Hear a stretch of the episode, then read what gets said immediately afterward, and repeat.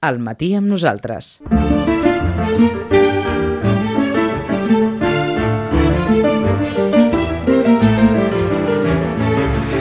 Vinga, primer titular. Una dona uruguaiana, nacionalitzada espanyola, que té 80 anys, que l'any 75 va obtenir la nacionalitat espanyola després de fugir de la dictadura militar d'Uruguai. Tenia aleshores 31 anys.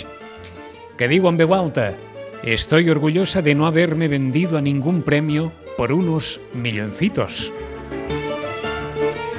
Ella és Cristina Peri Rossi, la guanyadora del Premi Cervantes. Primera. Maite Celort, guanyadora del Premi Proa de novel·la 2021, expresidenta de Menorca. Va deixar la política el mes de juny i en la seva darrera obra posa el dit a la nafra de la migració menorquina a Argèlia. Narra una història a partir de la migració menorquina a Argèlia. Ja feia set anys que Maite Salor no publicava cap novel·la, uns anys en els quals la política la va convidar, ens diu la crònica, a reduir el ritme d'escriptura, ja que va presidir el Consell Insular de Menorca del 2015 al 2017, però ha guanyat, ara, el tercer Premi Proa de novel·la amb El País de l'Altra Riba. Va, i un tercer, perquè qui més qui menys ha anat a petar algun llibre de Joaquim Moles. Edició 62, editat el dietari del professor historiador Joaquim Moles. Un dietari escrit durant més de 60 anys, de vida universitària, de vida docent, entre el 1956 i el 2015. 900 pàgines de dietari que diuen que no té preu en molts dels seus passatges i molts dels seus fragments. Un projecte vital inacabat que ha editat edició 62 i que es titula El mirall de la vida. Per tant, avui hem començat amb dues dones i un home protagonistes de la vida literària, més de totes les novetats que ens comentarà la Rosana. Rosana, bon dia. Hola, molt bon dia. Uh, no, Has començat, eh? Has començat bé, eh? eh, és que dic, va, anem a, anem a posar... No sé si Cristina Peri Rossi és una autora molt sol·licitada o això... Jo crec que sempre ha sigut una mica enigmàtica des de... Bueno, és que Cristina Pérez Rossi i Barcelona són ja doncs, com un binomi, no? Perquè Ahà. sabíem que vivia a Barcelona, que es movia amb tota l'èlita barcelonina, diguéssim, d'escriptors, eh? No èlita d'això.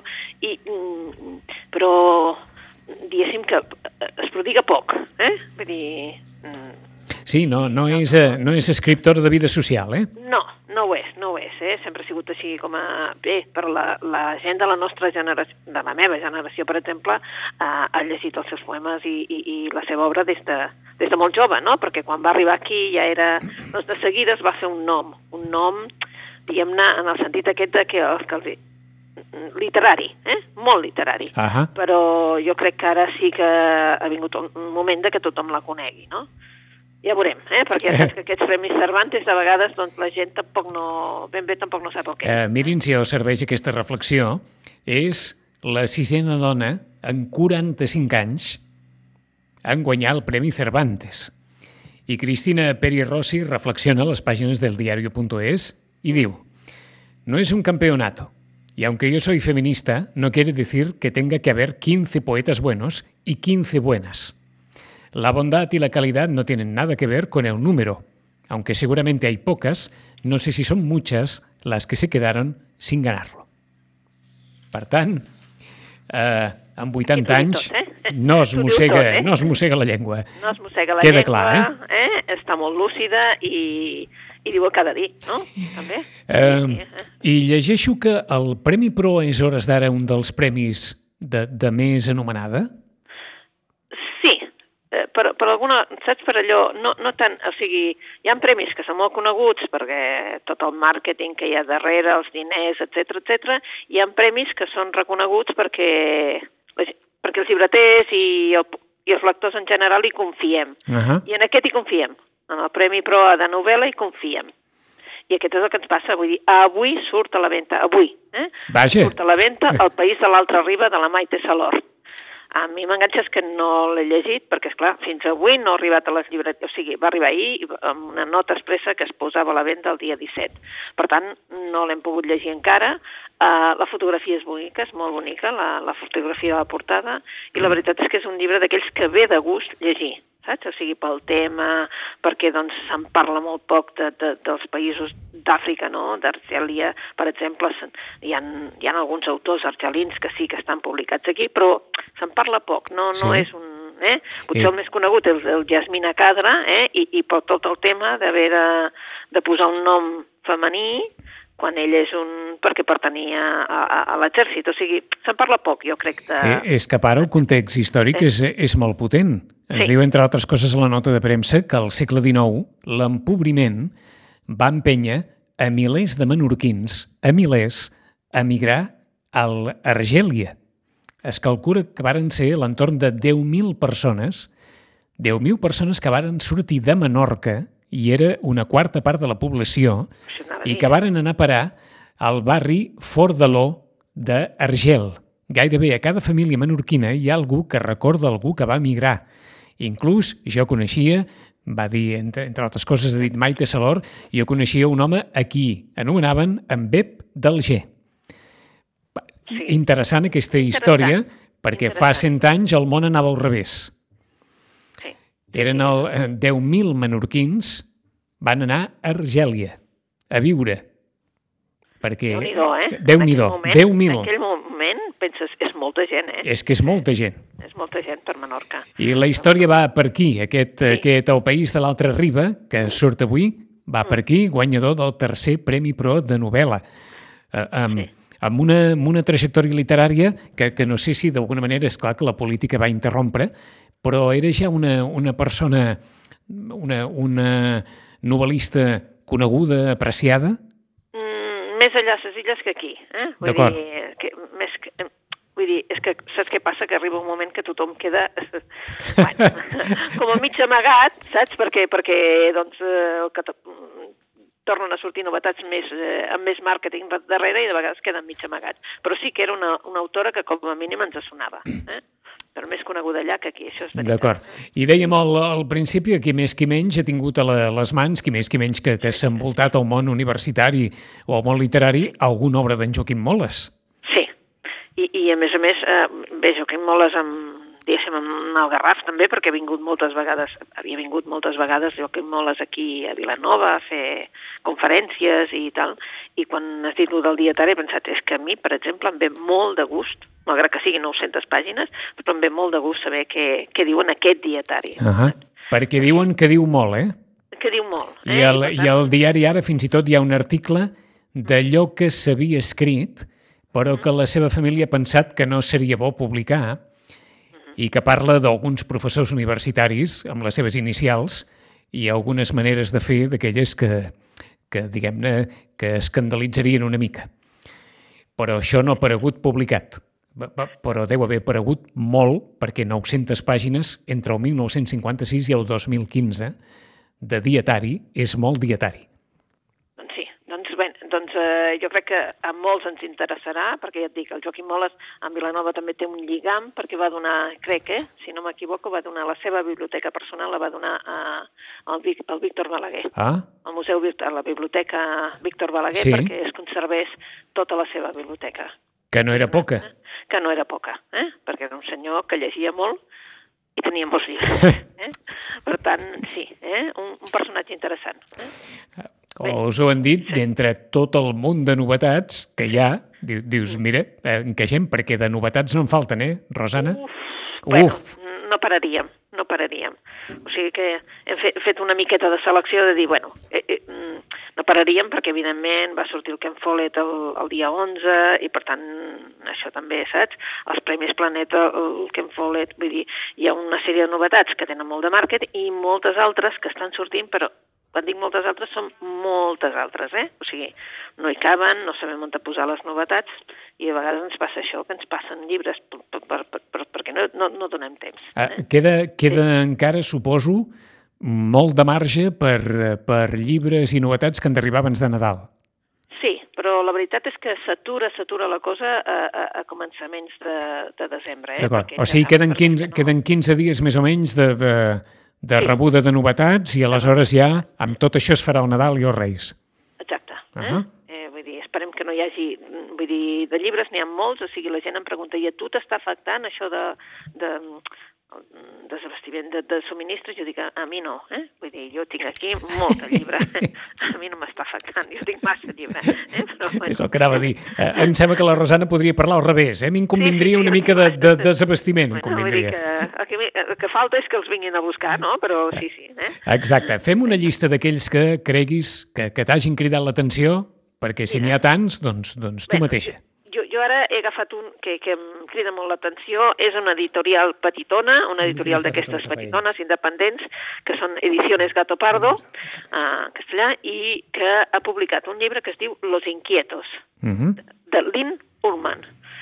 Una cosa, eh, bé, interessant, bé, només us llegeixo, eh, no sé si el d'això. Evidentment, la Lynn Ullman és una de les filles del, del gran, del gran Berman. Eh? Eh, clar, mm, M'ha vingut al cap el cognom perquè la seva mare, Sí. la, la mare de...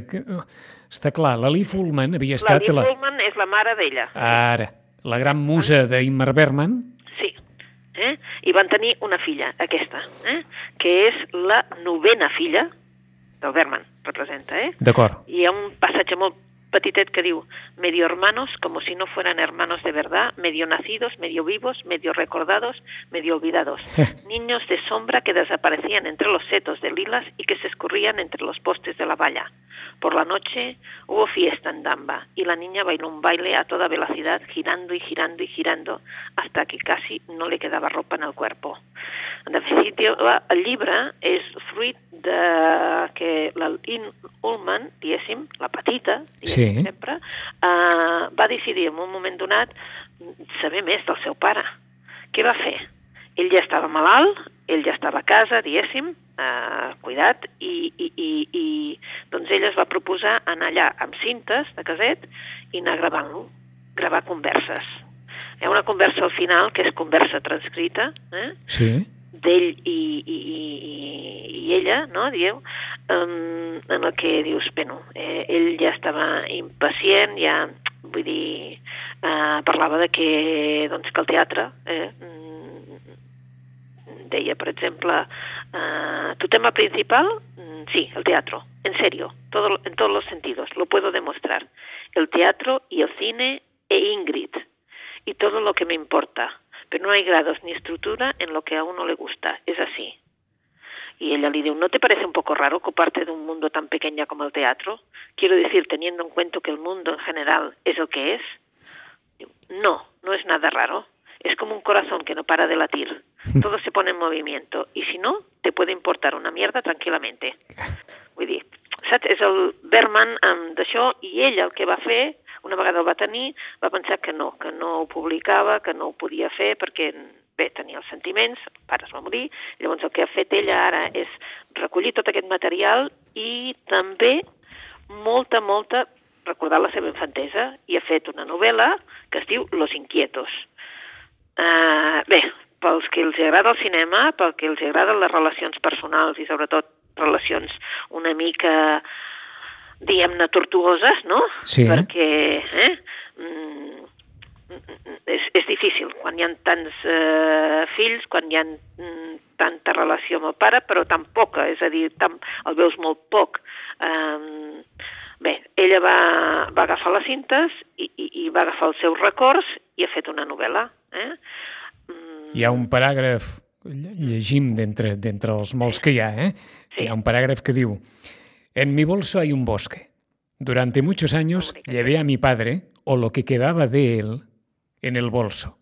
Lo que me quedaba de él eran seis cintas de audio de sus últimos años de vida, su voz y el silencio, y mi voz. Quin llibre! Quin llibre? Sí, és que sí. saps que m'ha vingut al cap? Hi ha una pel·lícula maquíssima que és de... Sí, és, un, és que a part és una pel·lícula de tardor. Si volen veure dues grans interpretacions enormes, estan les dues, la pel·lícula passa a pas lent, eh? Però Sonata de Otoño. Ah, uf. 1978, Ingmar Bergman va dirigir a Ingrid Bergman i a Lee Fullman. Sí, sí, molt bonica la pel·lícula. La pel·lícula és molt bonica, Molt bonica. eh, és una pel·lícula que passa, com els diem, eh? no, no, és, eh, no és el cinema compulsiu, és un cinema No, no, no. de- d'entrar a poc a poc. Exacte. Però ens sembla que els pot agradar molt i pot servir de prèvia per si tenen los inquietos a les seves mans. De Lynn Ullman, Man. filla de Ingmar Bergman i Lee Fullman, Exacte. Los inquietos. Per on seguim? Bueno, podem seguir per un autor que ha presentat una novetat, però que s'ha presentat en català, eh? Vull dir, en català i també en castellà, però la veritat és que Univers, és a dir, el segell d'Enciclopèdia Catalana, um, està fent tota una sèrie de traduccions molt importants de que les teníem perdudes. Per exemple, uh, fa uns mesos va fer uh, A la recerca de la felicitat del Douglas Kennedy, una novel·la que el que la llegeix queda enamorat de la novel·la perquè és una gran història d'amor, però també és una història d'amor impossible. Eh? Mm, una història de, de, en la que s'han de decidir moralment moltes coses. Um, bé, hi ha l'atzar, el destí, perquè la Sara i en Jack, eh, de fet, eh, bé, els hi passen tantes coses, que moltes coses que estan fora de la seva, del seu control, de la seva voluntat. Eh? És l'any 45 i la veritat és que Um, jo crec que és una de les grans novel·les per llegir allò, saps, aquests dies de, de fred i de Sí. tal, que t'asseus en un sofà i dius, ja no m'aixeco. Eh? I també s'ha traduït del mateix autor, Isabel a la tarda.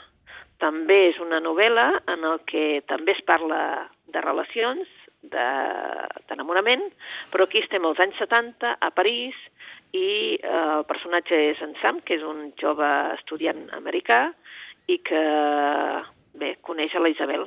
La Isabel la coneix en una llibreria. I és una dona, doncs, allò, molt més gran que ell, i la introduirà doncs, en el món de la relació del sexe, en el món l'experimentarà, però clar, eh, el que veu és que coneix molt poc de la Isabel i el que veu és que porta un anell, la Isabel. És a dir, que és una història que, bé, que és també una història doncs, també de destrobament, en, el, en tot cas, eh?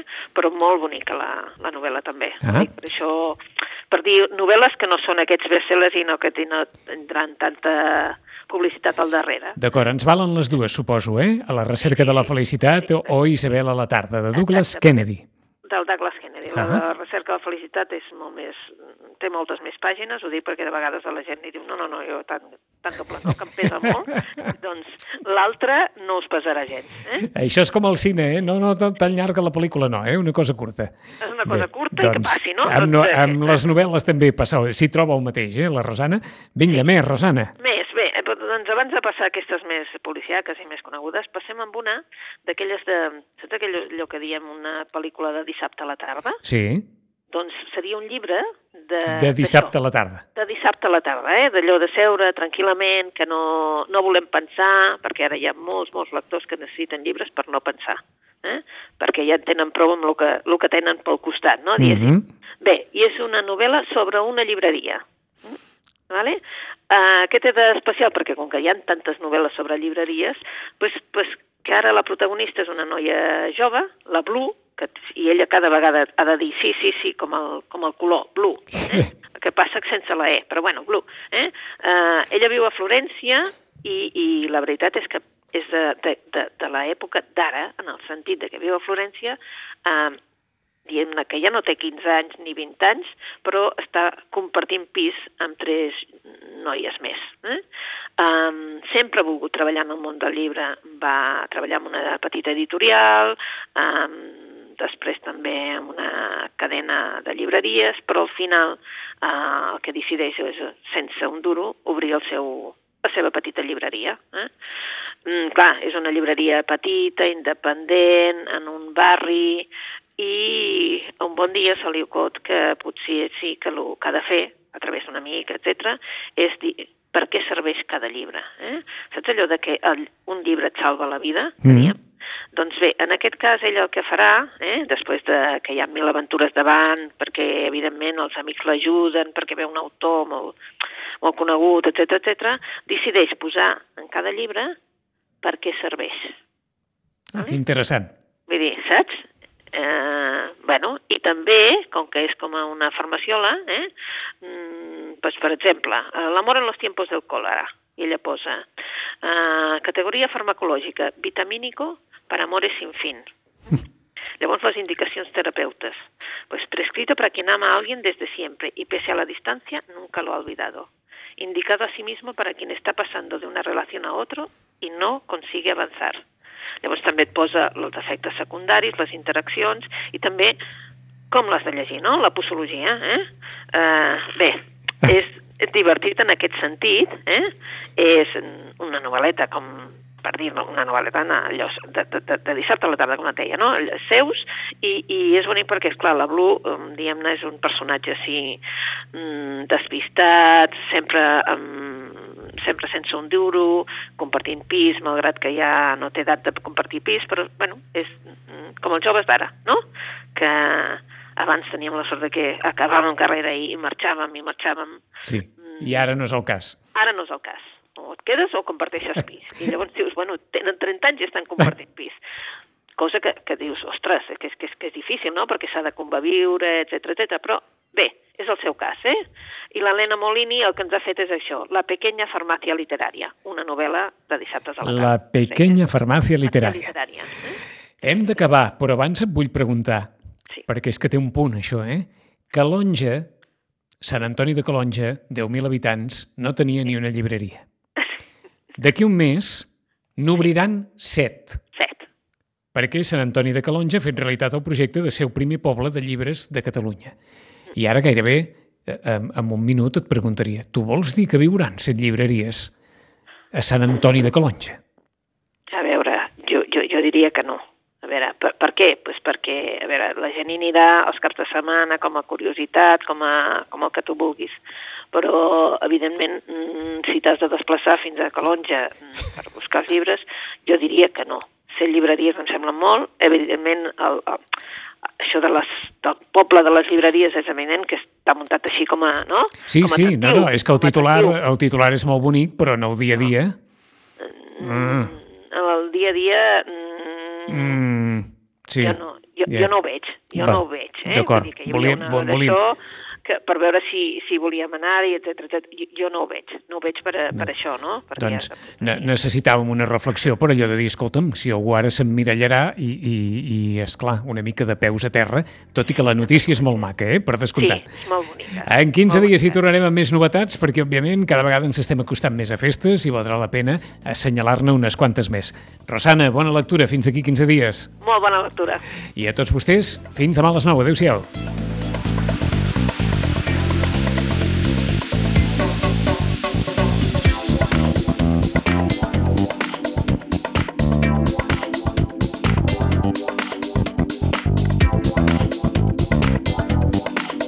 Ràdio Maricel, cada dia, al matí amb nosaltres.